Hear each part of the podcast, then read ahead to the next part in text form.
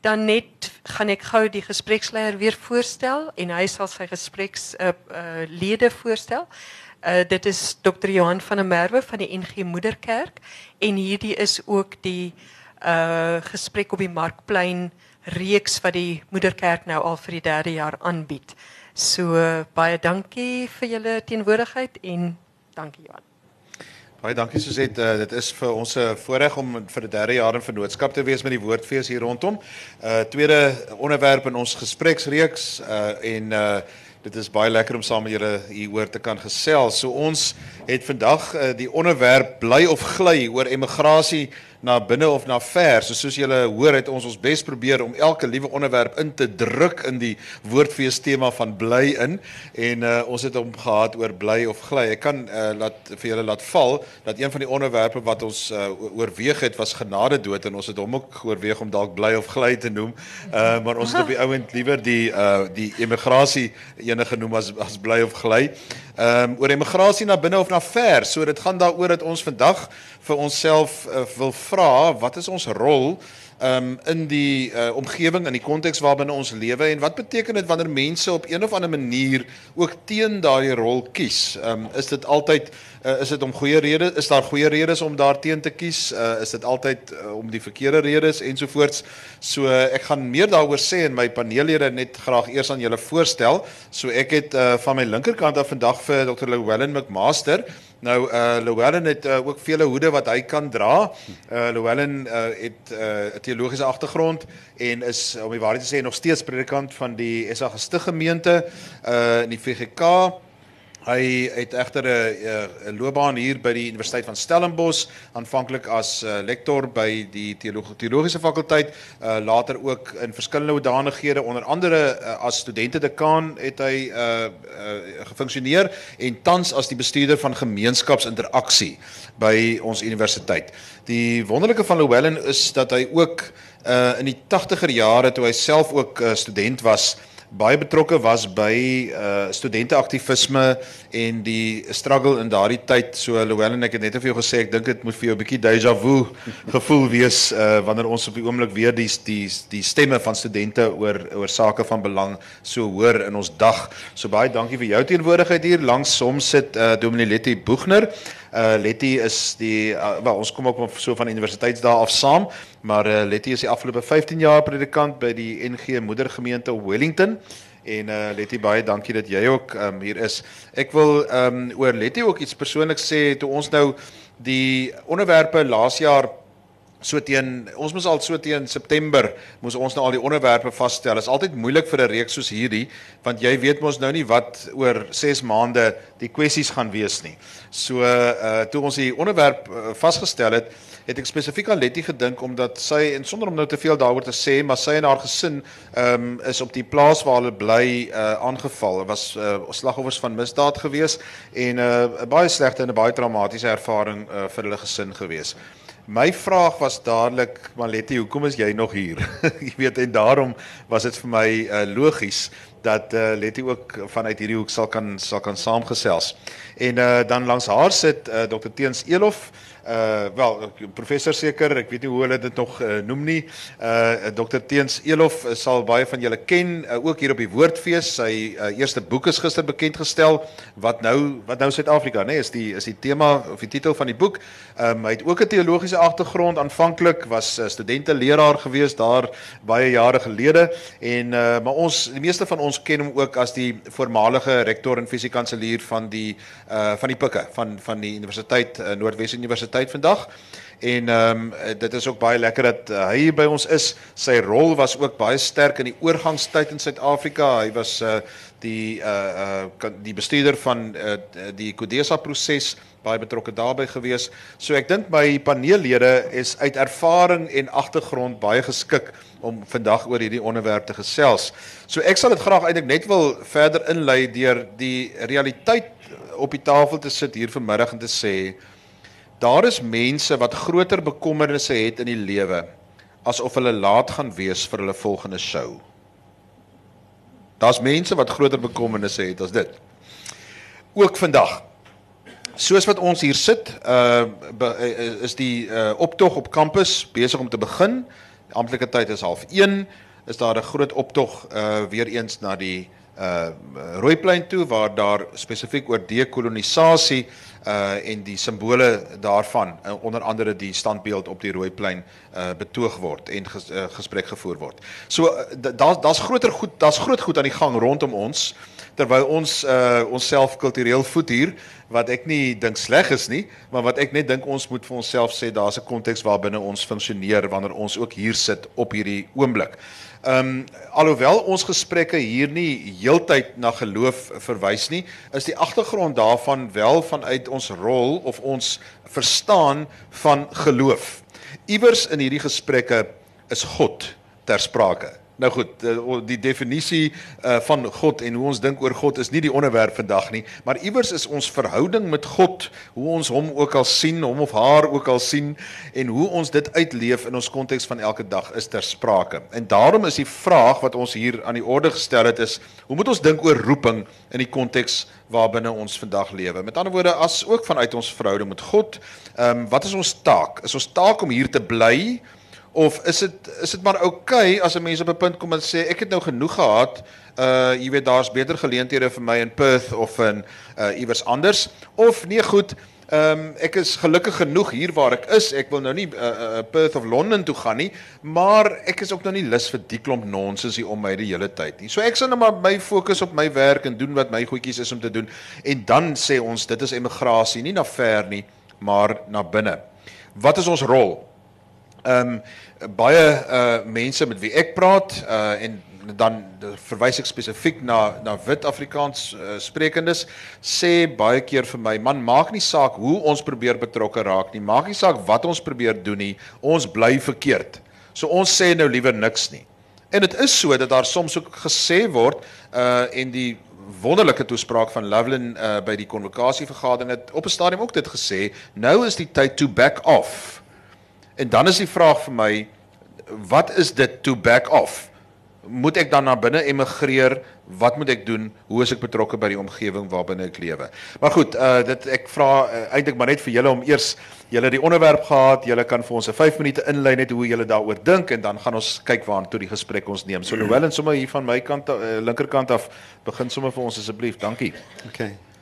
Ehm um, goeiemiddag almal. Dankie uh Johan vir die uitnodiging. Ehm um, ek dink dit is vir my lekker om uh ook by geleentheid soos hierdie en ek het die uh onderwerp uh vanuit 'n verskriklik persoonlike uh ervaring benader. So wat ek gaan deel is persoonlik want ek dink dit is wat ons almal beleef uh vandag. Dit help jy praat oor 'n klomp ander goed nie, maar jy sit met jou eie worsteling. So oor die groot gedeelte van my lewe uh wil ek maar sê die afgelope 40 jaar uh en steeds worstel 'n mens.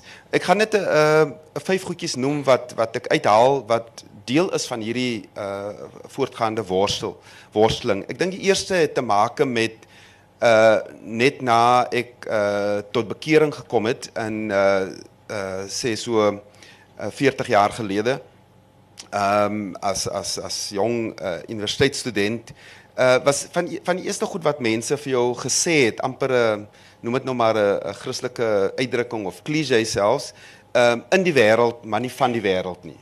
So jy is van die begin af daarmee gekonfronteer. Wat beteken dit? En en en so 'n bietjie nalees, lyk dit vir my dit sluit verskriklik baie aan by by Jesus se eie woorde in Johannes 15 en 16 van die wêreld sal julle nie ken want dit my nie geken nie. Ehm um, die tweede ding is is is Jesus se uh, se bergrede. Dit het 'n uh, geweldig groot indruk op my gelaat, uh, veral tydens my teologiese ehm um, opleiding. Ek het uh, universiteit toe gaan gaan werk en teruggegaan om om teologie te studeer vanaf 1981 en ehm um, dit dit het vir my gevoel dat as jy die bergpredikasie lees dan is dit werklik waar ehm um, amper sê die radikale Jesus op sy op sy beste.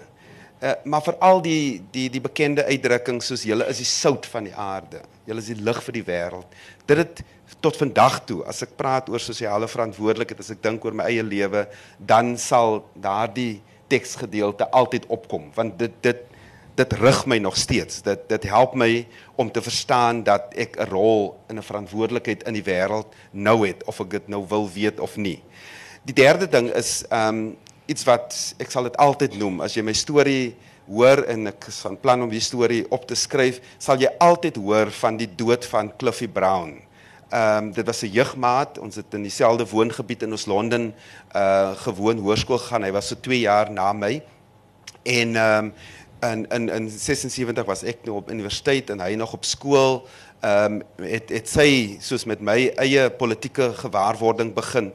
Die ehm um, 'n lang storie kort te maak, Cliffy het uiteindelik toe hy op 'n uh, onderwyskollege in Port Elizabeth is nadat polisie veiligheidspolisie hom ook 'n paar keer aangehou het en en en en gemartel het, het hy besluit om land uit te gaan, uh aan te sluit by die uh Mkonto Wesizwe en later teruggekom sy sy familie het kontak met hom verloor maar ek uh hoor toe weer na, van hom toe ek 'n rapport uh, ek dink dit was nog uh, Kaap rapport of ekstra rapport vir, ons mense gelees het van Cliffy se dood uh, in Mei 1994 en dit het my geskit.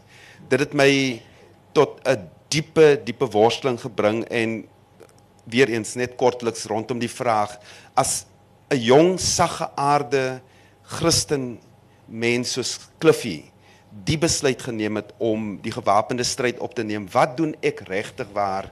Ehm um, vir bevryding in die land om hierdie land ehm um, die droom wat ons het vir die land 'n werklikheid te maak. En ek het nou maar gekies soos wat ek altyd sê die bankgat opsie. Ehm um, ek het geweet ek sal nooit uh, geweld ek ek ek ek net nie daai soort mens nie. Ek kon nie eers 'n hoenderslag hê. My pa het my altyd geskel.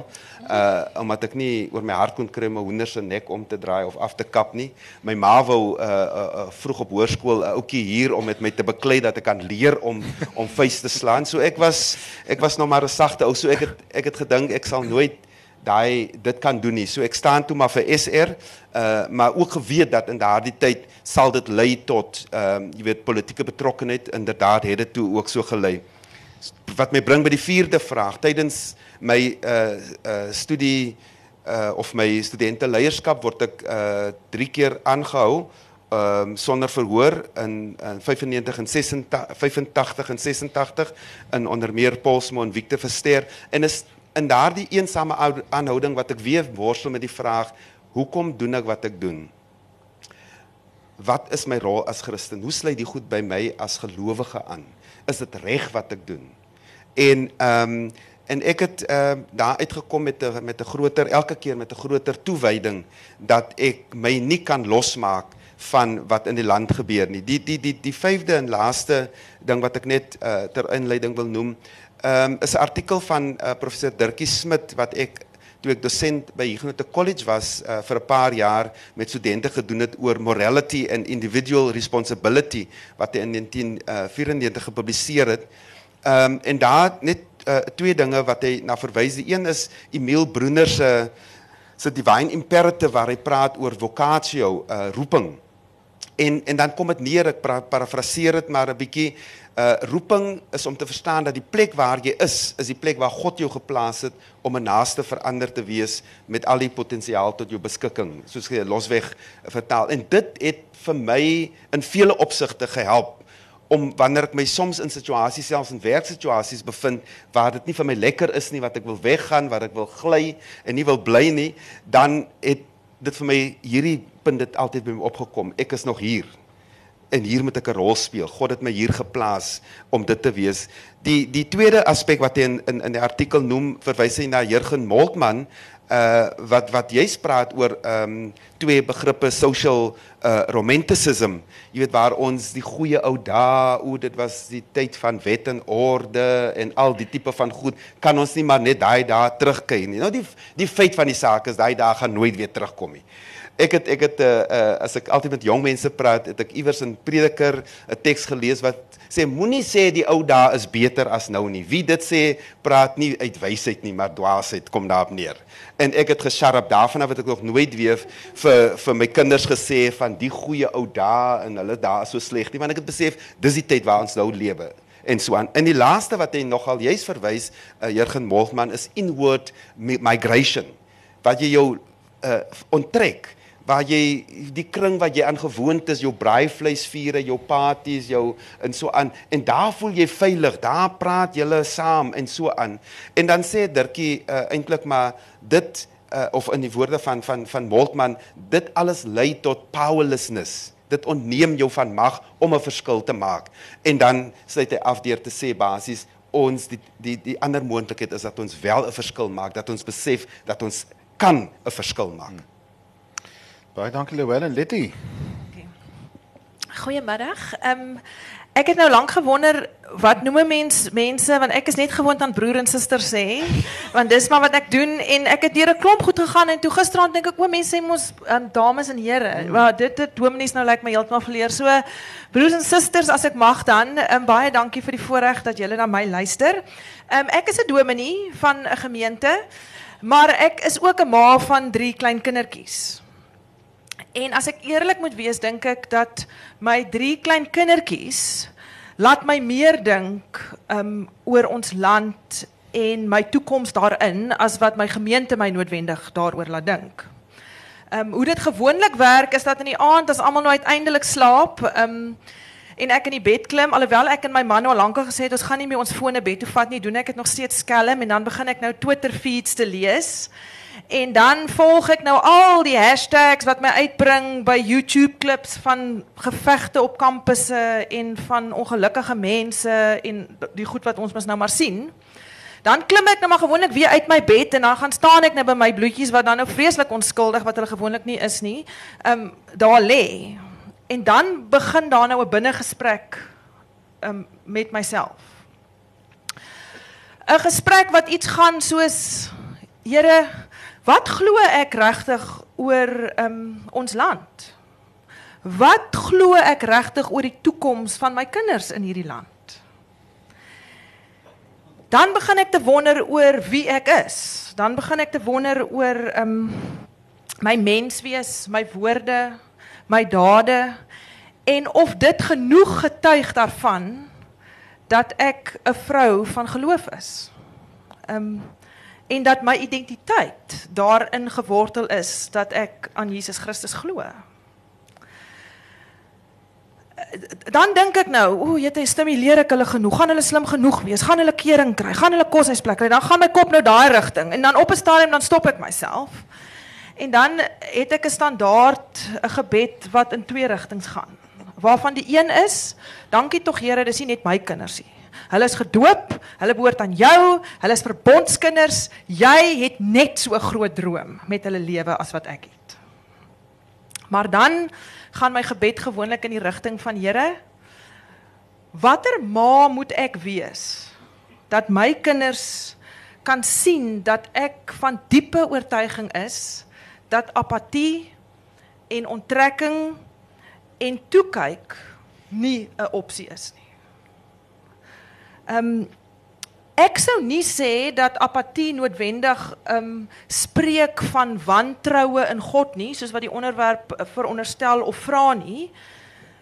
Ek is wel van oortuiging dat om apart en eenkant te gaan staan, ehm um, iets sê daarvan dat jy of ek misverstaan wie God ons roep om te wees. Ek sal ook nie so ver gaan om te sê dat ehm um, fisiese immigrasie noodwendig wantroue ehm um, weerspieël of sê nie, want ek bedoel as jy die Bybel gaan lees, kom jy agter dat ehm um, die hele Bybel is geskoei op stories van mense wat trek. Maar ehm um, dat die Here jou roep om iets spesifiek op 'n plek te wees. Dis waar en ek dink jy het nou baie mooi Llewellyn 'n um, aanhaling daar gesê. Die vraag is dan eintlik waar jy is en wat jy nou daar doen. So, ek is van groot oortuiging dat ehm um, die Here ons roep, maak nie saak waar jy woon nie, om betrokke te wees, om om te gee, ehm um, om barmhartigheid te wys en ehm um, terug te staan as dit is wat nodig is. Ek is nie altyd 100% seker hoe dit uitspeel nie. Ehm um, wat ek wel vir my baie keer sê is dat my God het nie noodwendig my vertroue nodig nie. God, ek wil God is nie afhanklik daarvan dat ek um, moet sê ek glo of ek vertrou nie, maar ek weet wel dat God my roep om sy medewerker en 'n ambassadeur van verzoening te wees. En dit sal niemand van my kan wegneem nie. Maak nie saak hoe wit ek is, gelukkig is ek daarom nou nog 'n vrou, so dit dit gee my dan nou nog so 'n bietjie van 'n voorsprong. Maar niemand sal van my weg kan neem die oortuiging wat ek het dat die Here my sy medewerker en my ambassadeur van versoening noem nie. So nadat ek dit alles gedink het, dan gaan slaap ek rustig. En ek doen. Ehm um, en ek slaap selfs rustig na wat met my en my gesin gebeur het. Ehm um, dis natuurlik nie lekker om wakker te word met drie mans byna bo op jou in jou bed met jou 3-jarige dog, 4-jarige dogtertjie wat langs jou lê nie. Is nie lekker om jou man ontmagtig te sien omdat hy onmiddellik vasgebind word nie. Is nie lekker vir jou om dreigemente te hoor wat weet dit kan jou lewe vir ewig verander nie. Maar ek kan met 'n eerlike hart sê ek het nog nooit onrustig geslaap na daardie nag nie. Inteendeel, daar het 'n diepe simpatie in my opgestaan. Daar het in my die gevoel gaan kof gekom en die hele aand terwyl ek die persone deur my huis gevat het, my man sê ek was soos 'n shopkeeper, ek het hulle alles gewys wat van waarde is.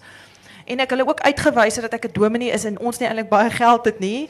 En hulle my daarop gewys het dat moenie vir my kom sê julle het nie geld nie. Ek moet kyk in wat se huis bly julle.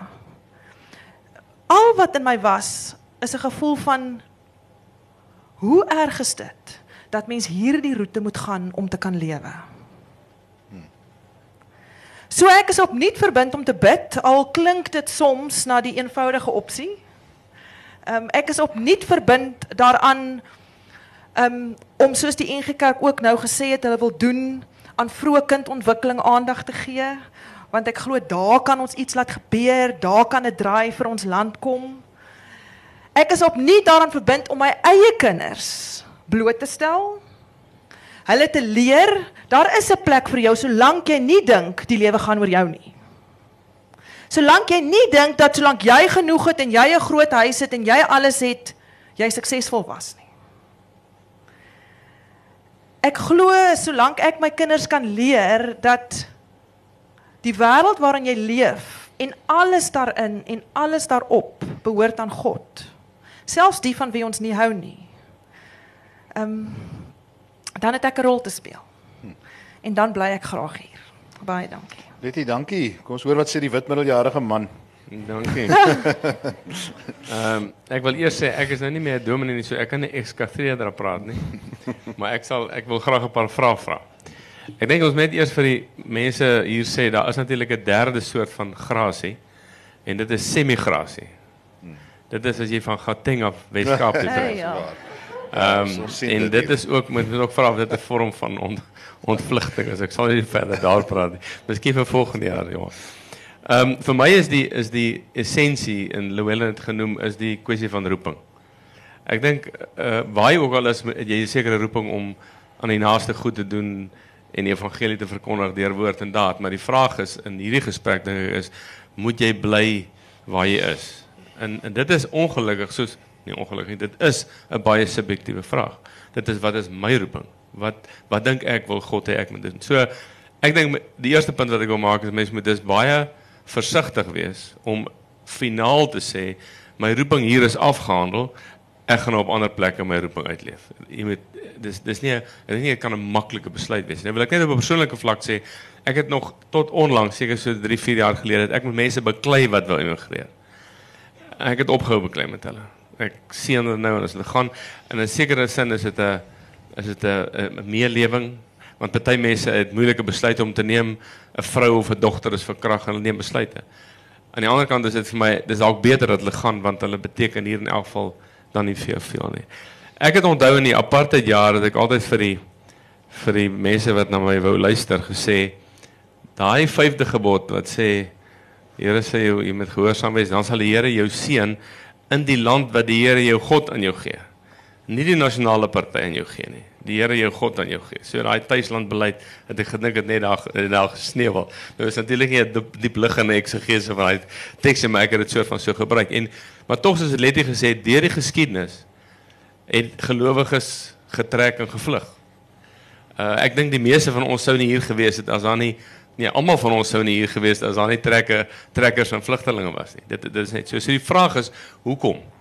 En ek dink die die bietjie wat ek daaroor gedink en gelees het, het gelowiges in die verlede al baie gevlug as daar fisiese gevaar is.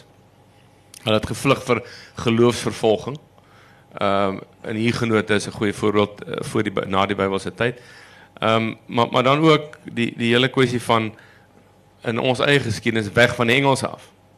Ek wil die die voortrekkers of jy nou Argentinië toe gegaan het of Angola toe of Transvaal toe, jy wou van Engels so daar was baie sekulêre oorwegings ook al en mense moet dit mense moet dit besef. So ek die tweede punt wat ek wil maak, die motivering om te trek, om te emigreer fisies maar ook dan uh um uh, binne toe is baie belangrik en ek dink niemand kan dit sê as mens nie gesê ek soek ernstig na God se wil deur gebed, deur die Bybel om seker te maak my roeping is elders nie. En ek ek wonder baie keer Johan um en is nie 'n waarskynlik nie 'n gewilde ding om te sê nie. Daar's 'n baie sterk motief in die Nuwe Testament oor lyding en beproewing. En die vraag is mag mens dit probeer ontduik? Want ek dink daar is al minderhede in die land wat onder beproewing is. Hier na selfs lê natuurlik die meerderheid in die land het dit nog steeds, veral deur armoede. Maar mag mens lyding en beproewing ontduik? Sê weet ek wil nie hierdie en beproewing wat die Here nou op my pad gebring het hê nie. So ek is ek is daar krities, maar ek sal nou terugkom by die einde. So ek wil sê hoekom nie? Vir my is dit nie 'n goeie rede om te sê ek trek ter wille van my kinders nie bloot prakties. Jy ontneem jou kinders van die keuse om hier te bly. As jy nou, as jou kinders 5 of 6 of 10 of 12 is en jy trek Australië toe, kan ek jou brief gee jou kinders gaan nooit terugkom nie. As jy hier bly, so lank as wat jy kan of wil, het hulle altyd 'n keuse later om Australië te trek of waar ook al. Die tweede ding is jy ont, jy ontneem daai kinders van hulle ondersteuningsstelsels. Jy ontneem jou ouers hulle wonderlike voorreg van grootouers. En en ek praat nou met baie mense, daar's grootouers wat in ouer huise sit wat stok stok siel alleen is want hulle kinders sit in Kanada of in Australië of waar ook al. Ek dink dis 'n groot verantwoordelikheid om te neem om te sê ek ek vat my kleinkinders of my kinders weg van hulle oupa en ouma af. Ehm um, ek dink dit dit dit is my 'n probleem. Dis ook nie weg van 'n swart regering af nie. Dit sou die rasisme wees. Uh en En ek dink per definisie kan net die elite immigreer. Veral vandag. Uh selfs semigreer kan net die elite as jy kyk wat se huispryse in die Kaap. Ehm um, en dan is dit tog interessant en ek wil nie vir algemeen nie, maar my indruk is baie sterk Johan dat mense wat immigreer oor die algemeen totaal sekulariseer. Ek bedoel Australië is net die mees Christelike land in die wêreld. En ek bedoel die kerke is daar is omtrent nie kerke nie. Ek sê nie almal is so nie, maar ek dink daar daar is altyd 'n proses van ek sekulariseer dan, maar ek ek los my wortels ook my my geloofswortels. Nou die ander sake, ek's amper klaar.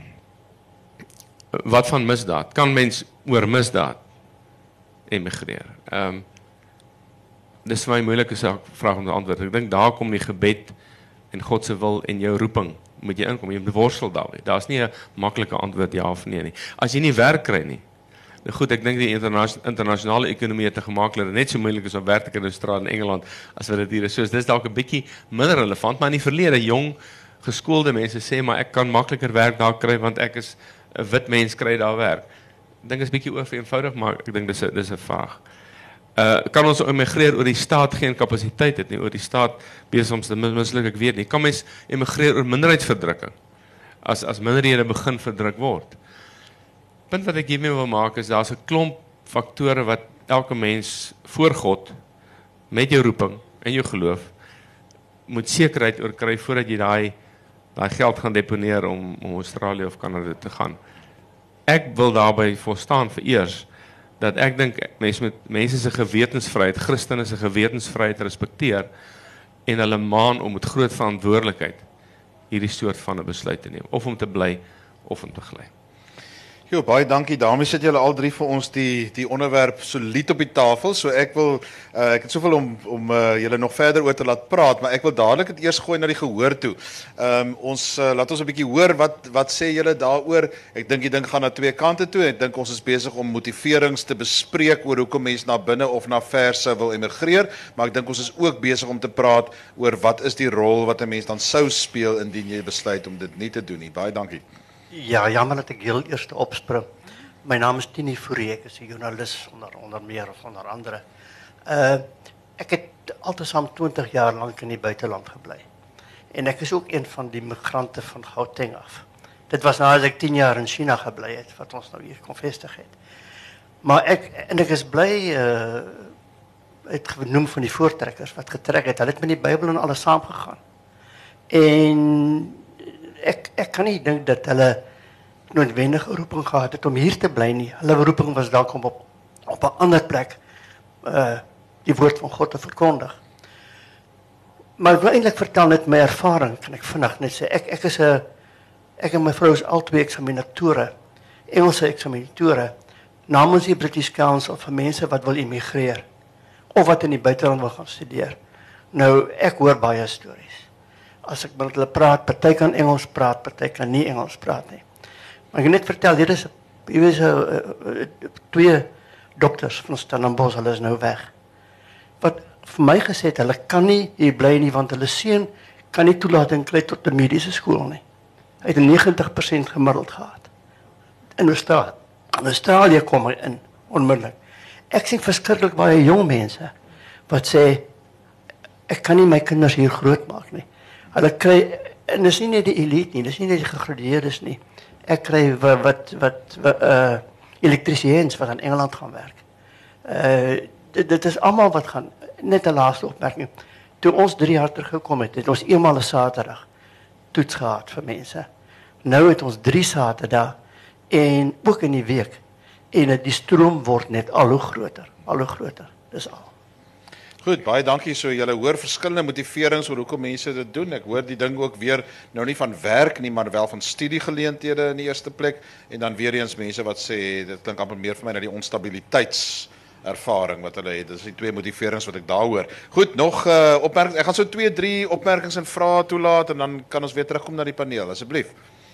Ehm um, goeiemôre, my naam is Estian Bosch. Ek wil net sê ehm um, ek dink ons is Suid-Afrikaners is bietjie vasgevang uh in ons eie denke, dalk in ons eie geloof en ons eie provinsie hier aan die suidpunt van Afrika. En ek ek wil miskien moet ek dit sê. Ek ek is glad nie 'n gelowige mens nie. I don't subscribe to religion at all. Maar immigrasie is so oud soos die menslike spesies. En daar's verskeie redes hoekom die menslike spesies begin beweeg het. Immigrasie is beweging. Beweging is vir spesifieke redes. Miskien het die probleme op die planeet begin toe ons vinniger kon beweeg as wat tyd tred hou met ons. En ek dink dit is dalk die groot ding is maar ek weet sê soos Koos Du Plessis, ek dink hy het gesê as daar lê reeds spore op die maan. Waartoe wil jy gaan? Ek meen die planeet is so groot. Die planeet wat my aanbetref behoort aan die mens. En ons moet ophou sekere minderheidsgroepe hier aan die suidpunt van Afrika om skuldig te voel omdat ons voorouers hulle menslike vermoë om te beweeg nagevolg het. Ons moet ophou om skuldig te voel en as mense op pleine rondloop en praat van dekolonisering, daar kan nie so iets wees nie. Want selfs die mense wat dekolonisering voorstaan, se voorouers moes beweeg het. Hulle moes geëmigreer het. Hulle moes gekoloniseer het. Dis so oud soos die mensdom self. So ons moet miskien moet ons net sê ons moet oor onsself kom. Die mense in Suid-Afrika wat dink hulle is die onderdruktes of was die onderdruktes die enigste onderdrukters, gaan dan Guinness Book of Records toe en sit jou naam daarin. Die mense aan die suidpunt van Afrika wat voel hulle was die enigste onderdrukkers op hierdie planeet en die enigste onderdrukkers wat daar nog ooit op die planeet sal wees, gaan sit jou naam in die Guinness Book of Records. So we need to get over ourselves. Ons is nie so belangrik aan die suidpunt niemand nie.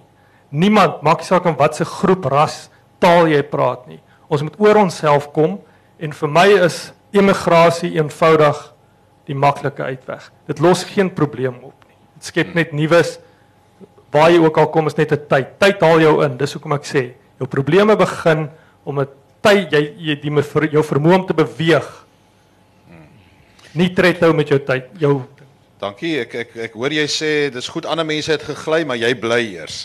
Dis wat ek hoor. Goeiemôre. Ek is Pieter Hurter en ek is 'n Christen Afrikaner. Die apartheidsoorlosie het abrupt gestop op 2 Februarie 1990. En toe het twee dinge begin gebeur. Vir my en my mense het 26 jaar aangebreek van diepe introspeksie oor wat het ons gedoen en wat het ons bereik. Ek dink as ek sou vra vanmôre wie is vanmôre oortuigde apartheidsondersteuners sal nie een mens se hand opsteek nie. Wat gebeur het van toe af is dat daar in Afrikaner geleedere en blanke geleedere 'n uh, geweldige paradigma skuif geword gebeur het. Afrikaners en wit mense is geruk en gesê, "Het ons dit regtig gedoen?" Was dit ons? Want ons het sulke wonderlike bedoelings gehad en ons het allerlei uh, mooi voornemens gehad, maar het ons ooit gekyk wat was die gevolge daarvan? Ek het mooi na jou geluister, Louwelen. en ons toe kom die kerke was deel van die change agents die die die die om 'n proses aan die gang te sit om 'n geweldige skuldgevoel te kry met goeie reg. En toe gebeur iets en dit is dat geregtigheid en versoening was die twee ononderhandelbare begrippe uh wat uitgegaan het. Ek wil vanmôre die stelling maak dat die paradigma skuif het sodanige gevolge geneem dat iets geweldig gebeurde en wat ek hier hoor van mense, hoekom wil ons emigreer? Hoekom wil ons pad gee? Is omdat ons mense skuldig gewas, dit afgelê het, versoen het. Wat ek teekom is 'n ongelooflike uh goeie verhouding tussen wit en swart en swart en wit en bruin.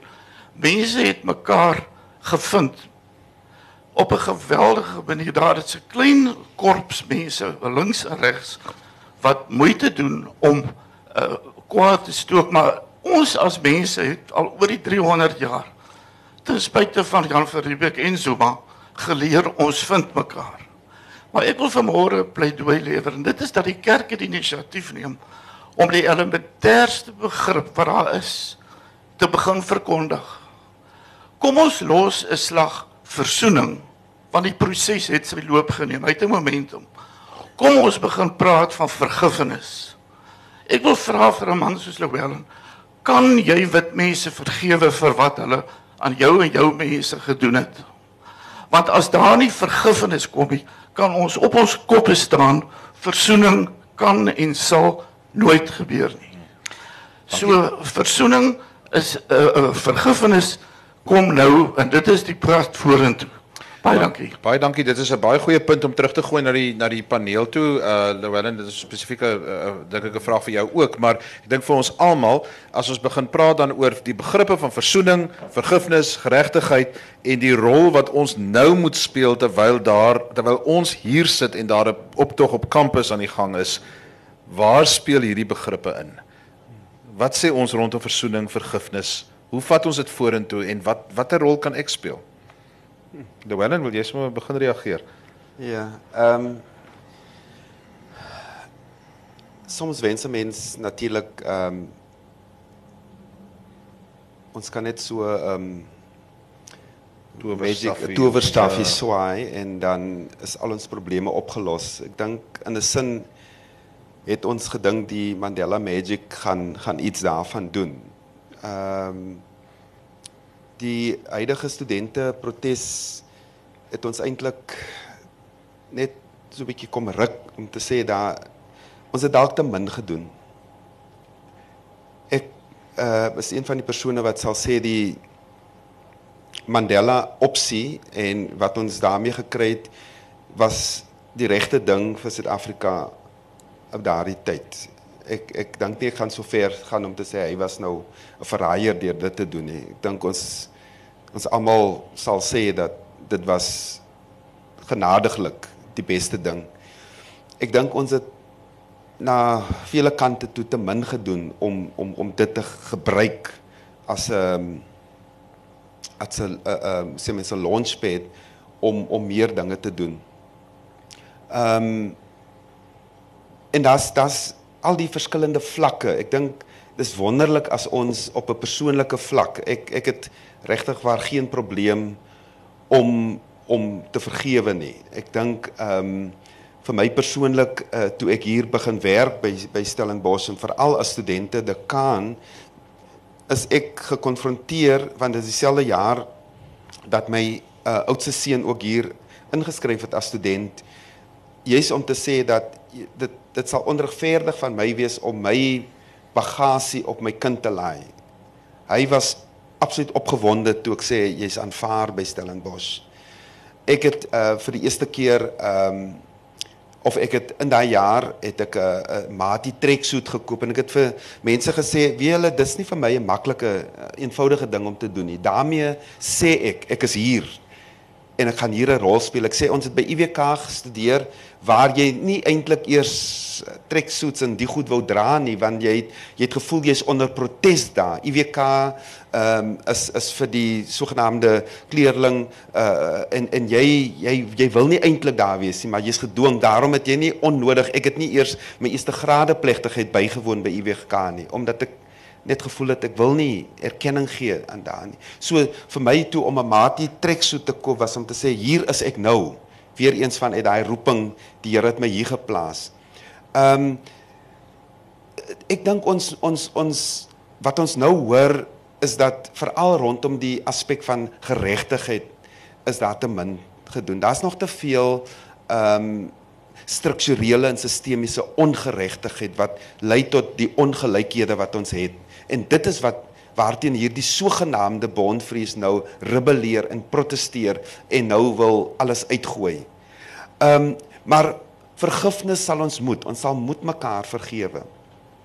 Maar is is soos ek nou as ek nou ontrou was aan my vrou ehm um, en en ek bely nou dan heel waarskynlik gaan ek wil hê omdat ek nou bely het en dalk jy weet selfs 'n traantjie gedruk het dat sy nou moet my vergewe en ons moet aanbeweeg.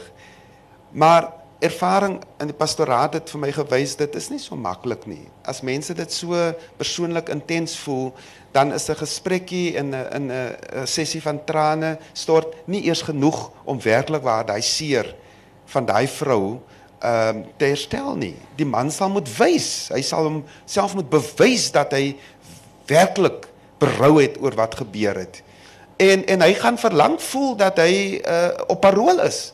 Hy gaan hy gaan daarteen ook rebelleer.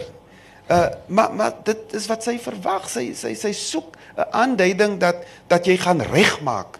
Uh uh so ons moet mekaar vergewe. Ek, ek ek kan nie hier sit vandag as Christen en en en in dit nie doen nie. Maar wat vir my belangrik is is dat ons moenie dink dat solank ons met die ongelykhede in hierdie land uh uh leef nie dat ons vrede gaan hê nie. Uh versoening het ek in my proefpreek in 1986 my tema was jy's versoening is 'n oproep tot konfrontasie. Is nie maar net jy weet mooi versoening nie. Ons sal moet mekaar konfronteer na beide kante toe.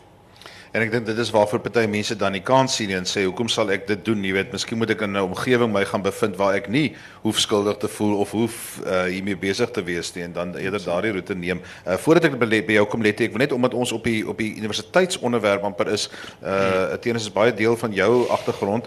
Uh jy het nou wat nou Suid-Afrika geskryf, maar wat nou universiteits uh studente? Wat nou? Kyk, ek dink uh oor die algemeen gaan het, gaan ons 'n moeilike tyd vir universiteite in, uh, finansiëel, ehm um, ideologies ensovoorts. Ek ek dink ononderbroke gaan op baie universiteite ook op die weet mense mense het amper gewoond geraak ook as dit op Wendaaf en Limpopo gebeur nou ja. Maar nou is dit ewe skielik Aitjies en Stellenbosch en Koffsies en Pretoria en Potchefstroom ook.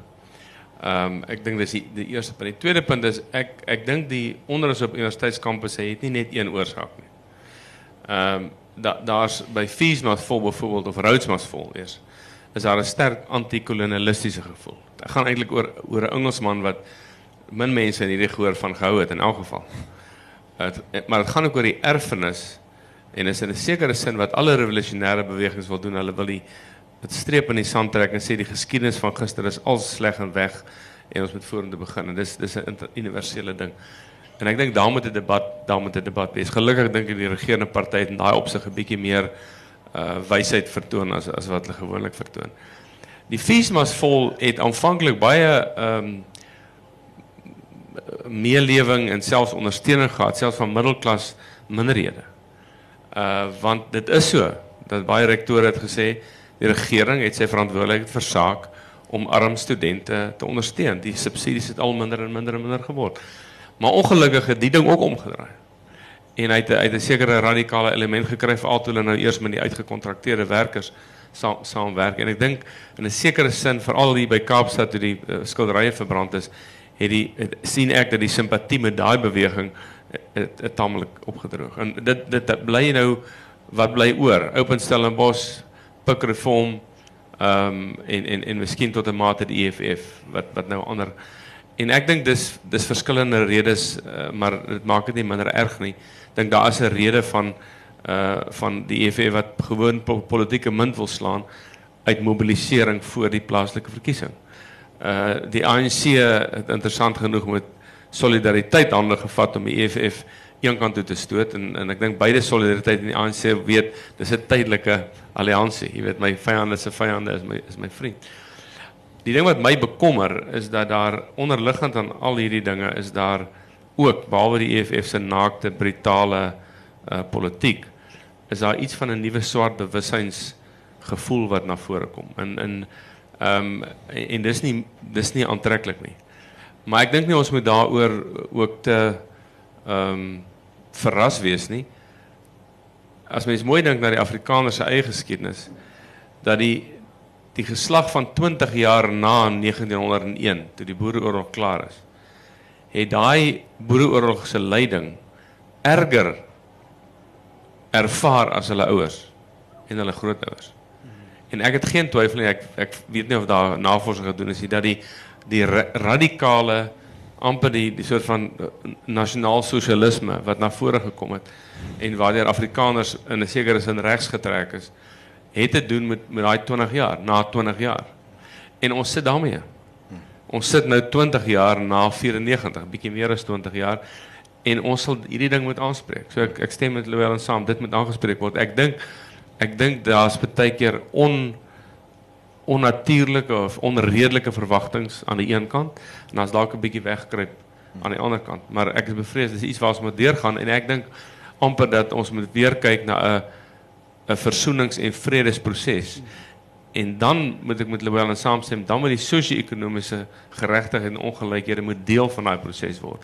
Maar met die verstandhouding dan, want wat gebeur nou op kampusse is dat studente in plaas om die ANC aan te vat wat die maghebbers van die dag is, wat hulle versaak het met onderwys, wat hulle versaak het met behuising, wat hulle versaak het met omtrent enige ding.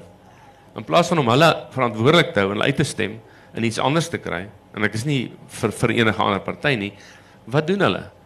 Hulle neem die vorige maghebbers van 20 jaar gelede kwaliek. En die mense wie se velle lyk soos die meeste van ons hier. En ek dink daar's iets van 'n irrasionaliteit daar. Daar's iets van 'n mens kan dit verwag. Maar in plaas om die huidige maghebbers verantwoordelik te hou, verklaar hulle en en verwoes hulle die vo die vorige maghebbers. Dit maak dit natuurlik baie moeiliker, uh, Johan. So ek nie maklike oplossings nie nie dink en dalk het ons soos ek op ander keer gesê die Roomignasie vir te lank as van selfsprekend uh, gehou. Tenus baie dankie. Ek dink ons gaan nog so 'n uh, uh, paar opmerkings kan vat. Let jy net gou as jy nou die dominee is, jy weet die broers en susters moet nou anders die uitstap as waar hulle ingestap het. Hoe pas ons hierdie preek toe? Ek wil wat uh jy weet waar wat moet ons anders gaan doen as ons hier uitstap? Ehm um, ek sou dink eer te sê dat ek dink ons ons hoef nie bang te wees vir verskille nie. Ek dink ons moet nie voel ons moet terugstaan en nie deelneem um, aan wat rondom ons aan die gebeur is nie. Ek ek het die voorreg gehad om die begin van die jaar vir 'n week 'n uh, kursus in Amerika by te woon. Toe ek in Kaapstad land was my onmiddellike gevoel, dankie Here dat dit hier is waar ek kan bly waar ek ten minste die probleme ken. Ehm um, rasisme byvoorbeeld, ehm um, is net so diep gewortel in Amerika soos wat dit hier is. Die verskil daar is die deksel stewig daarop. Dit voel vir my ons in 'n is 'n pret uit en ons moet deel daarmee.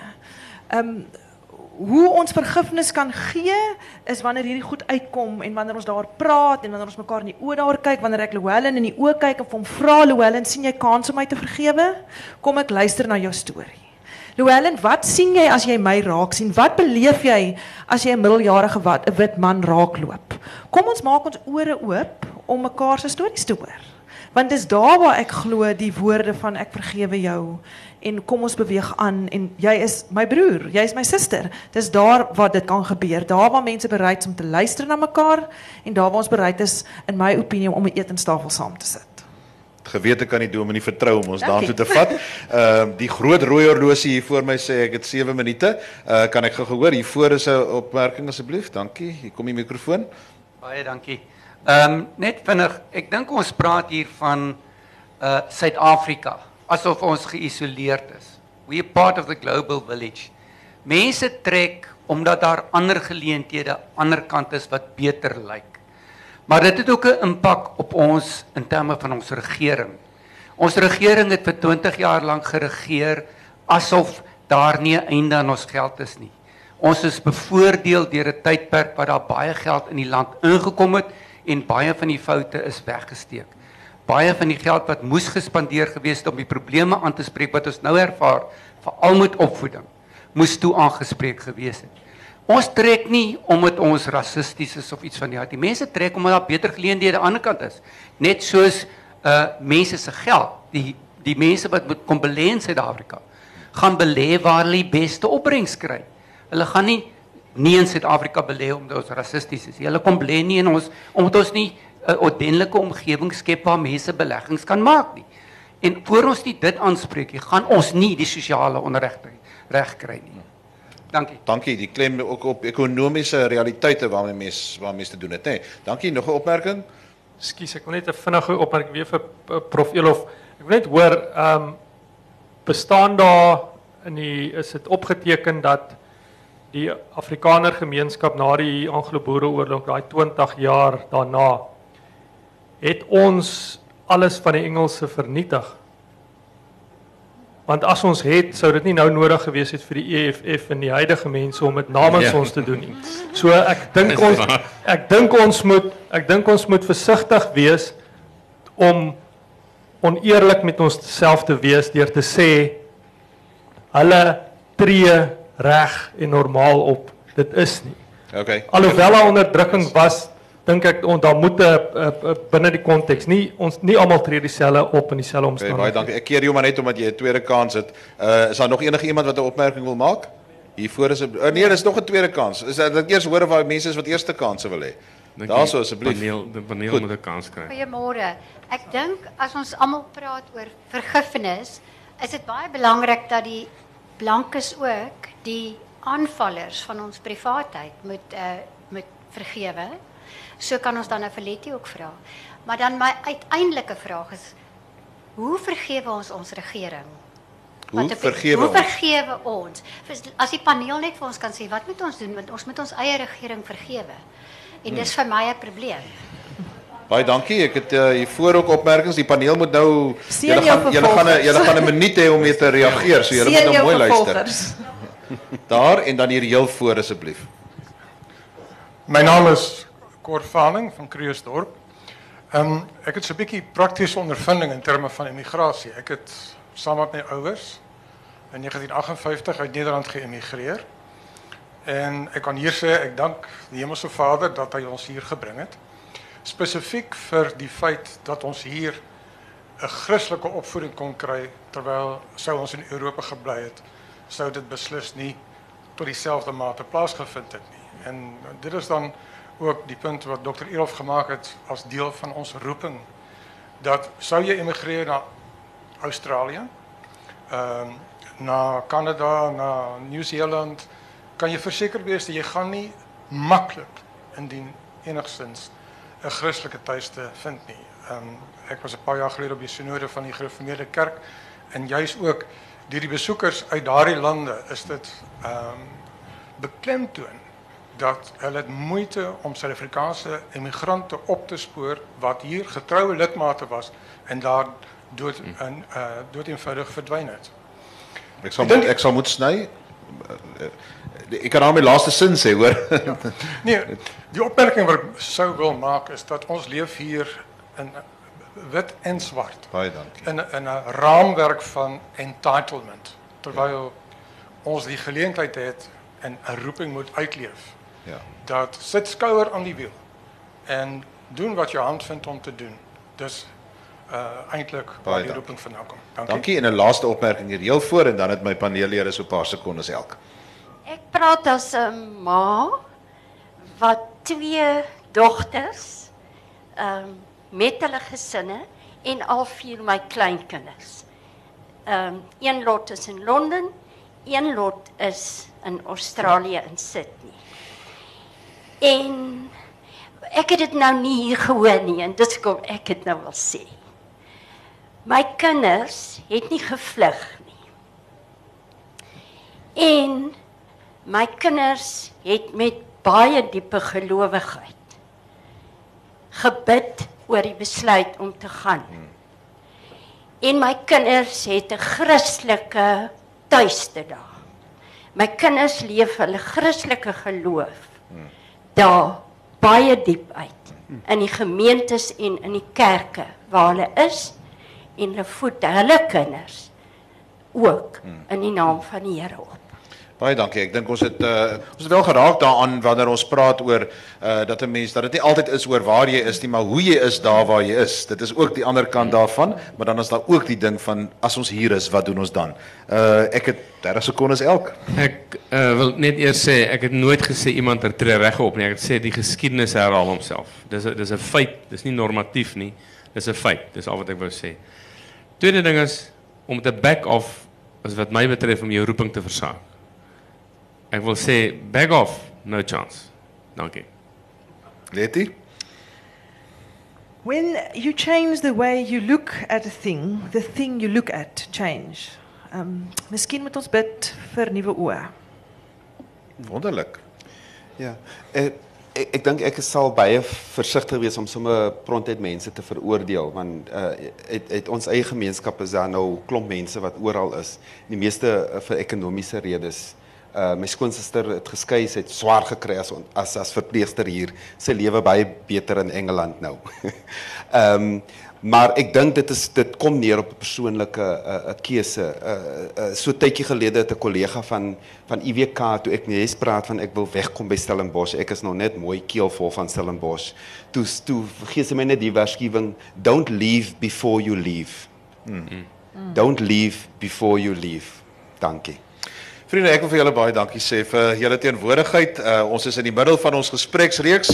Môre is ons tema om 2 uur. Hulle het ons lekker op die program heeltyd rondgeskuif. So moenie op dieselfde tyd op dieselfde plek probeer opdaag nie. Môre is dit 2 uur en ons gesels oor wat is nog bly aan die blye boodskap met Stefan Joubert, Piet Nodee en Judy Klaas en so julle is baie welkom by daardie gesprek en baie dankie aan my kundige paneellede vir hierdie gesprek.